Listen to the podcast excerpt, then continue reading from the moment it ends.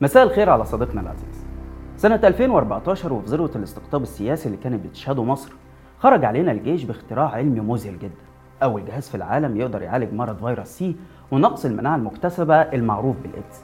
بنسب نجاح كام بقى؟ 100% وبدون أخذ عينات دم من المريض وبأقل تكلفة كمان. المتحدث العسكري وصفه بالاكتشاف المصري الفريد من نوعه والهيئة الهندسية بالقوات المسلحة نظمت مؤتمر صحفي عالمي لعرض الجهاز المعجزة اللي هينقذ ملايين المصريين اللي كانوا مصابين وقتها بفيروس C. وبدأت وسائل الإعلام بقى يا سيدي بالترويج للجهاز باعتباره إنجاز طبي للجيش اللي كان وقتها بيجهز نفسه عشان يحط إيده في كل المجالات ويكوش على كل حاجة في البلد. باخد الإيدز من المريض بغذي المريض على إيدز بديهوله صبع كفتة يتغذى عليه. باخد المرض واديهوله غذاء. أنا عرض عليا في هذا الجهاز 2 مليار دولار دولار. 2 مليار دولار. وأنساه. رفضت. أول ما اللواء عبد العاطي مخترع الجهاز اتكلم بدأ الأطباء والمرضى والمواطنين كلهم يشككوا في صحة المعلومات اللي بتتقال وظهر الموضوع وكانه نكتة سخيفة. وبدأ البعض يسخر من الجهاز اللي اتقال إنه ثمرة 22 سنة من العمل والبحث. وإن صاحبه اتعرض عليه 2 مليار دولار عشان يتخلى عنه للأمريكان. بس هو بشموخ الجندي المصري رفض وقال لهم ده إنجاز لعالم مصري عربي مسلم ولا يمكن أتخلى عنه ابدا. وبدأ يحكي كمان عن مغامراته لتأمين الجهاز واللي ساعدوا فيها بحسب كلامه جهاز المخابرات المصري. الإعلام كمان عام على عومه وبدأ يهاجم منتقد الجهاز باعتبارهم خونة مش عايزين يعالجوا المصريين وخرجت مذيعة تطالب بمنع علاج أي حد يشكك في الجهاز. واتكلم أحمد موسى عن المؤامرة اللي شغالة ضد الإنجاز العظيم. أما بقى مصطفى بكري فقال إن السيسي بكى أول ما شاف الجهاز وقرر بدء العلاج بيه يوم 30 يونيو 2014.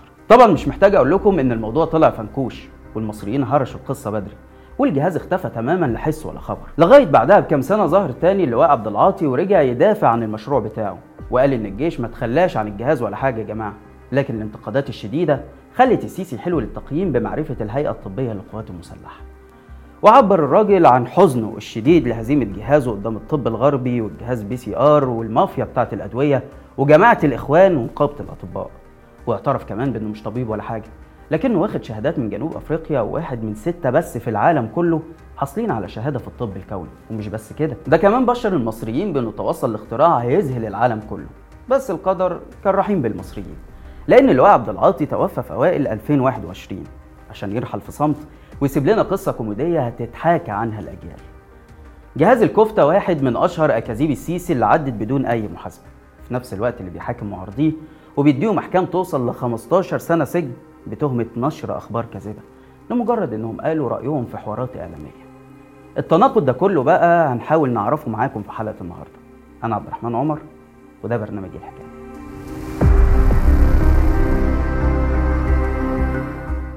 أنا لن أترك مصر أصلا أنا لن أترك مصر وتركي لمصر أعتبر ارتكبت خيانة في حق وطني أنا لن أترك مصر. أنا أن أعيش في أبو زعبل المصري خيرا لي من أن أعيش في قصر من قصور لندن. أهلا بيكم. الأسبوع اللي فات وفي ظل دعوة النظام لحوار سياسي مع أطياف المعارضة وتبشير البعض من أعضاء لجنة العفو الرئاسي بقرب الإفراج عن آلاف المعتقلين فوجئ المصريين بأحكام شديدة القسوة على عدد من السياسيين الكبار.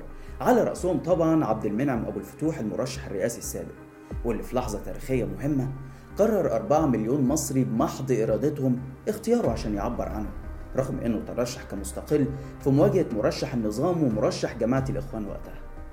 أبو الفتوح اللي قرر يمارس السياسة بشفافية وعلنية من خلال حزب مصر القوية اتحكم عليه بالسجن 15 سنة والتهمة هي نشر أخبار كاذبة من شأنها الضرر بسمعة البلاد وده بسبب حواره مع عدة قنوات منها قناة الجزيرة سنة 2018 لما شكك في نزاهة الانتخابات ودعا لمقاطعتها فكانت النتيجة إيه؟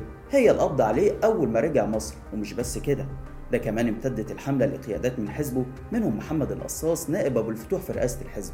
والشاب اللي بيحظى باحترام كل ألوان الطيف السياسي في مصر. يعني من الآخر كده صدر قرار بتصفية حزب أبو الفتوح بطريقة شديدة القسوة.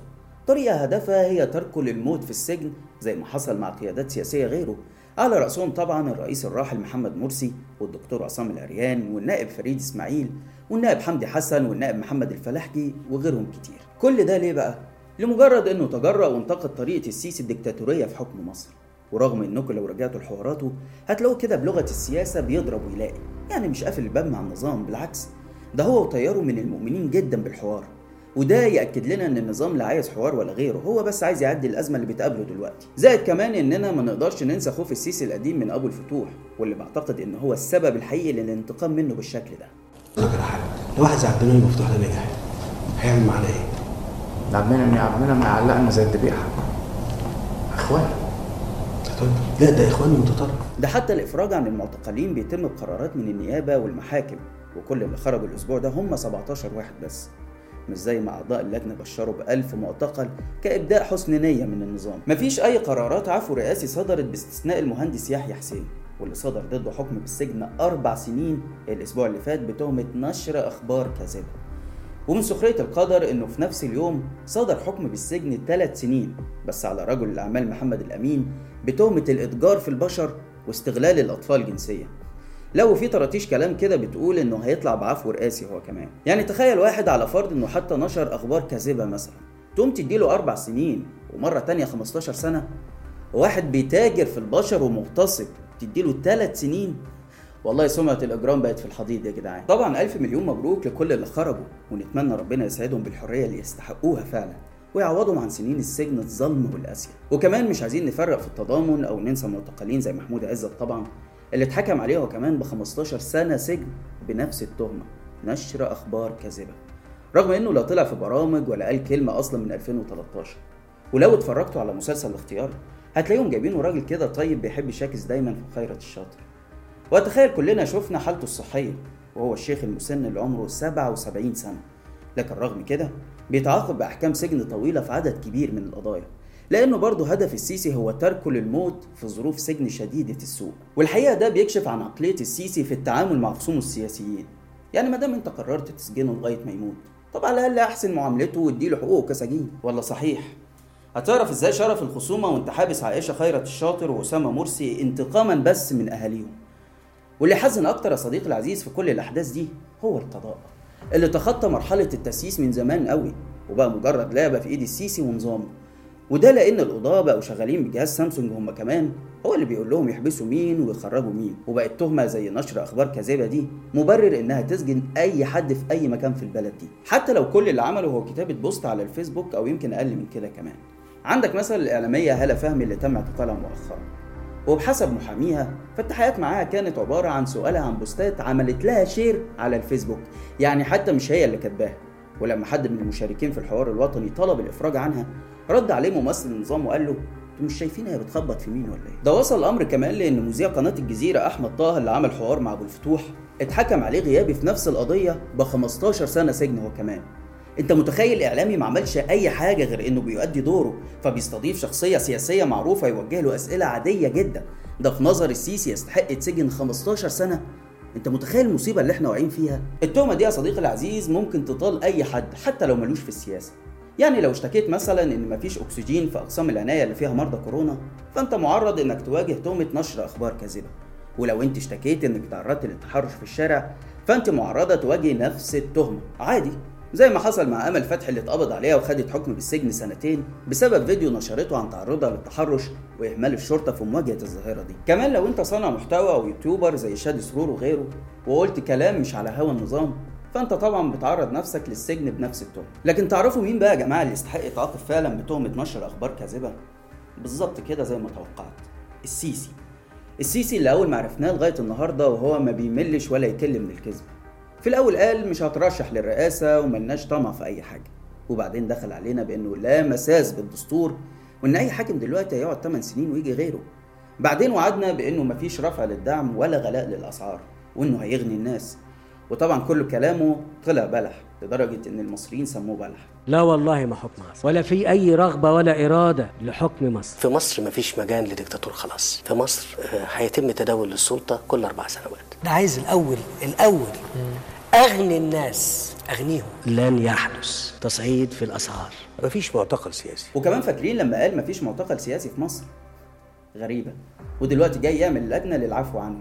وغيرها بقى من الأكاذيب اللي عايش المصريين فيها على مدار التسع سنين. أما بقى حوار الإشاعات فالتاريخ القريب والبعيد بيقول لنا إن دايما السلطة هي أول مصدر للشائعات اللي بتطلعها إما كبالونة اختبار للناس عشان تهيئهم لقرارات جديدة أو لتهدئة الرأي العام في قضية معينة أو حتى لتشويه خصومها. واحيانا كمان بيكون الموضوع صراع بين أجهزة أمنية أو سيادية. ولو نفتكر مثلا إن عندنا واحد من قادة الجيش وقت ثورة يناير وهو اللواء حسن الرويني.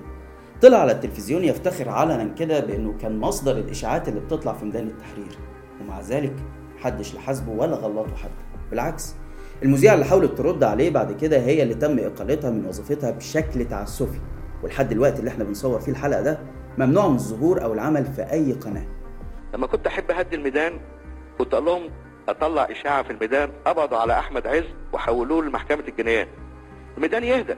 هو حضرتك كنت مصدر هذه الشائعات يا فندم؟ آه طبعا. ومش محتاج أفكركم بأن نظام السيسي جاء أصلا على أكتاف الإعلام اللي ما بطلش لمدة سنة كاملة ترويج إشاعات بهدف تشويه صورة الرئيس اللي الشعب انتخبه بإرادته الحرة. وسواء كنت مؤيد أو معارض لمرسي الله يرحمه بس كلنا عارفين إنه لا باع الهرم ولا أجر قناة السويس ولا أدى حلايب وشلاتين للسودان.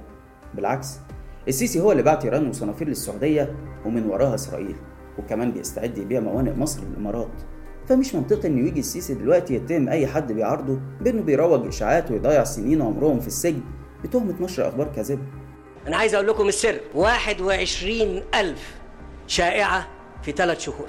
الهدف منها بلبلة. الهدف منها عدم استقرار. الحقيقة إنه الفكرة دي كمان بتكشف عن رغبة السيسي في السيطرة على آخر ما تبقى من المجال العام وهي وسائل التواصل الاجتماعي. اللي السيسي مدرك كويس قوي إنها كانت من أسباب الثورة على مبارك.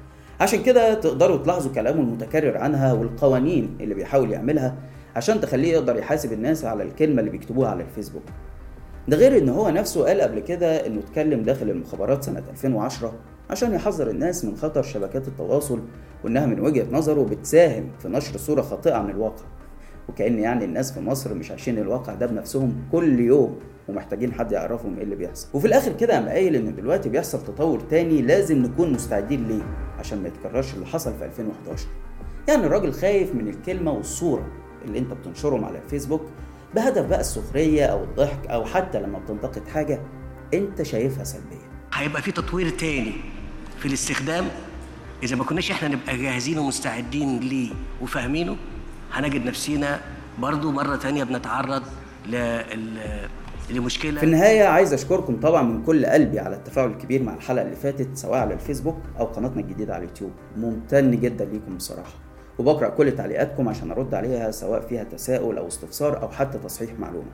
كمان جالي كده أكتر من تعليق يمكن أبرزهم من فادي حسني بيطلبوا إن الحلقة تكون أطول في الوقت شوية. أوعدكم إن إحنا نحاول نعمل ده على قد ما نقدر. بس إحنا الحقيقة بنحاول نتناول الموضوعات من غير ما ننسى حاجة وفي نفس الوقت باختصار عشان ما نطولش عليكم. بس أنا أوعدكم إننا نحاول نوازن أكتر في الحلقات الجاية. بس كده. لحد هنا والحلقة خلصت. ما تنساش إنك تقدر تسمع البرنامج بودكاست من الروابط اللي هتلاقيها في التعليقات. كمان اعمل لنا like و share واشترك في القناة الجديدة على اليوتيوب. واستنانا كل جمعة الساعة 8 بالليل بتوقيت القاهرة في حلقة جديدة من برنامج إيه الحكاية.